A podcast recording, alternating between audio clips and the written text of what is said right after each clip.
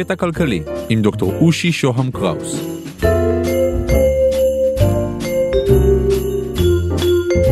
קטע כלכלי, פרק 72, הנמלים במערכת החיסון של אדם סמית. הנה כמה דרכים להסתכל על עצמי כבן אדם. אני אישיות, סובייקט עם רצונות וצרכים, תקוות, מטרות. הנה אפשרות שנייה. אני מערכת של איברים מתפקדים. והנה דרך שלישית. כל איבר הוא מערכת של מיליוני חלקיקים מתפקדים.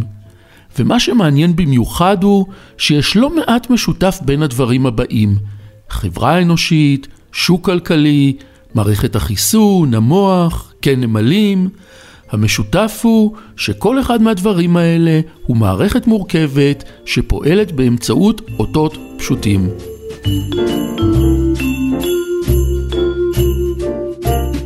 שלום, כאן דוקטור רושי שוהם קראוס, ואנחנו מתחילים עם נמלים.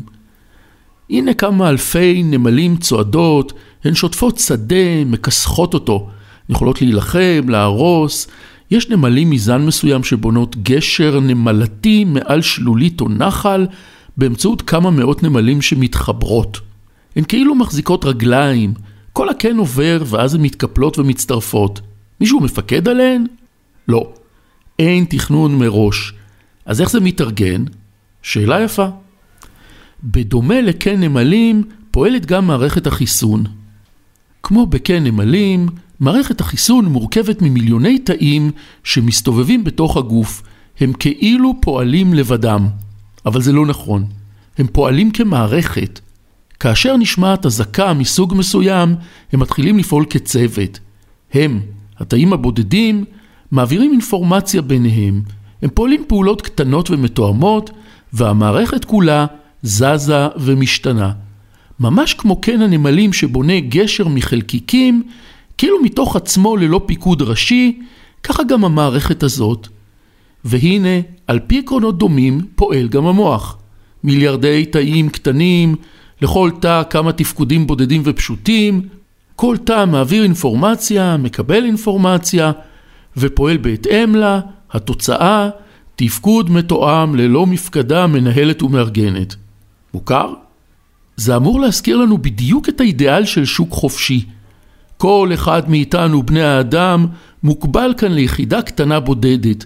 כל אחד מאיתנו צריך דברים כדי לשרוד, הוא יודע לעבוד כדי להשיג אותם, הוא צורך אותם כדי לתפקד, ביחד נוצרת חברת ענק שעושה דברים, משתנה, לומדת, מתאימה את עצמה למציאות.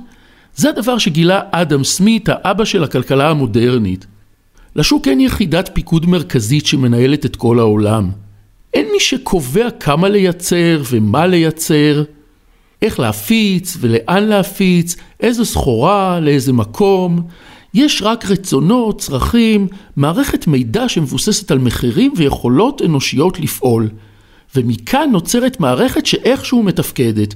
איכשהו, כי גם המוח נתקע ונפגע, כי כן נמלים נהרס או מתנוון, וגם בכלכלה לא הכל מתקתק, רעב, עוני, מחסור, משברים, קריסות של המערכת, אבל בכל זאת תחשבו, מיליארדים מסתדרים בפועל באופן מאורגן ללא שליטה מלמעלה.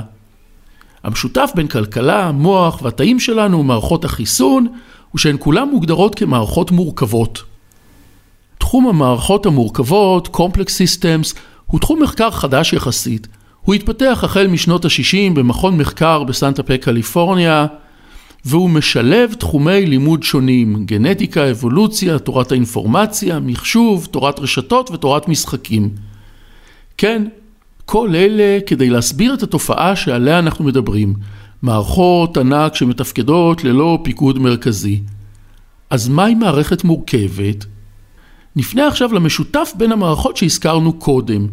כל אחת מהן היא מערכת המונית, מערכת ענק שמורכבת מיחידות בסיס הפשוטות ממנה. כל אחד מהתאים פועל על פי כללים פשוטים, למשל, קנה את הטוב ביותר שהכסף שלך מאפשר לך. תקוף באופן א' כל תא מסוג ב'.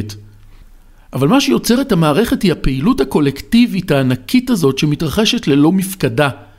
מאפיין נוסף של מערכות ענק מורכבות הוא מערכת האיתות. כל אחת מהמערכות האלה משיגה מידע פשוט מהסביבה ומאותתת אותו לחלקים האחרים. ומה שנוצר הוא מעין מערכת לומדת ומאבדת מידע.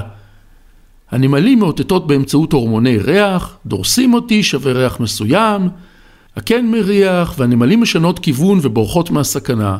מוכרים אותי בזול, אומר השלט שעליו מחוק המספר 100 ולידו מופיע מספר 40, ומיד אנשים רצים לקנות במקום החדש. כל התפריט בחמישה שקלים, והנה תורות ארוכים של לקוחות צמאים. השכנים ברשתות הקפה האחרות, גם הם מורידים מחירים ומערכת החליפין משתנה. מאפיין נוסף הוא האומר שכל המערכות האלה בנויות כדי לשרוד, להגן על עצמן ולהתפתח ולהתאים את עצמן לסביבה המשתנה, שוב, כדי לשרוד. הכלכלה למשל משתנה בהתאם לתנאי הסביבה. כבר עכשיו אנחנו מתחילים לבחון חלופות לנפט. האם ישנה מחלקת נפט עולמית? לא. אמנם יש גופים בינלאומיים שמנסים לקדם אינטרסים משותפים, אבל אם נסתכל מתחת לפני השטח, נראה שכל השגת המידע, ההבנה שצריך בכלל תחליף לנפט, החיפושים, ההכשרה המדעית למדענים צעירים, מערכת החינוך היסודית, ייצור הציוד למחקר ולקריאה, כל אלה נוצרים על ידי מערכת ענק של מיליארדי בני אדם שיש להם רצון לשרוד ויכולת לבצע פעולות כדי לעשות את זה תוך כדי העברת מידע ביניהם. אז מה? אז אם הכל כל כך טוב ומדעי, למה כלכלנים נכשלים בתחזיות שלהם?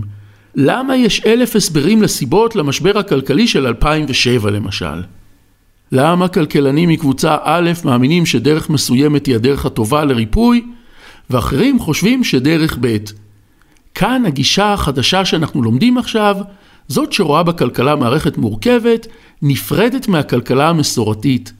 הכלכלה של מערכות מורכבות, שמתחילה כמו שמתחיל אדם סמית, תיפרד מהכלכלנים הרגילים שכולנו קוראים, ותסביר למה הם מתעקשים כל כך להסביר ולצפות מה יקרה בכלכלות שלהם. וההסבר הוא שאחד המאפיינים העיקריים של מערכות מורכבות הוא שקשה עד בלתי אפשרי לחזות את ההתנהגות שלהן. בדיוק כמו מערכת מזג האוויר, שהיא עוד דוגמה למערכת מורכבת. למה חזאים נכשלים לא מעט? וכשהם מצליחים, למה זה חלקי ולזמן קצר ולא מדויק? נמשיך בפרק הבא. תוכלו להשיג אותי בוואטסאפ 050-88983222 או לכתוב לי בלינקדאין שלי באנגלית דוקטור רושי שוהם קראוס. תודה לקווין מקלוד על המוזיקה, להתראות.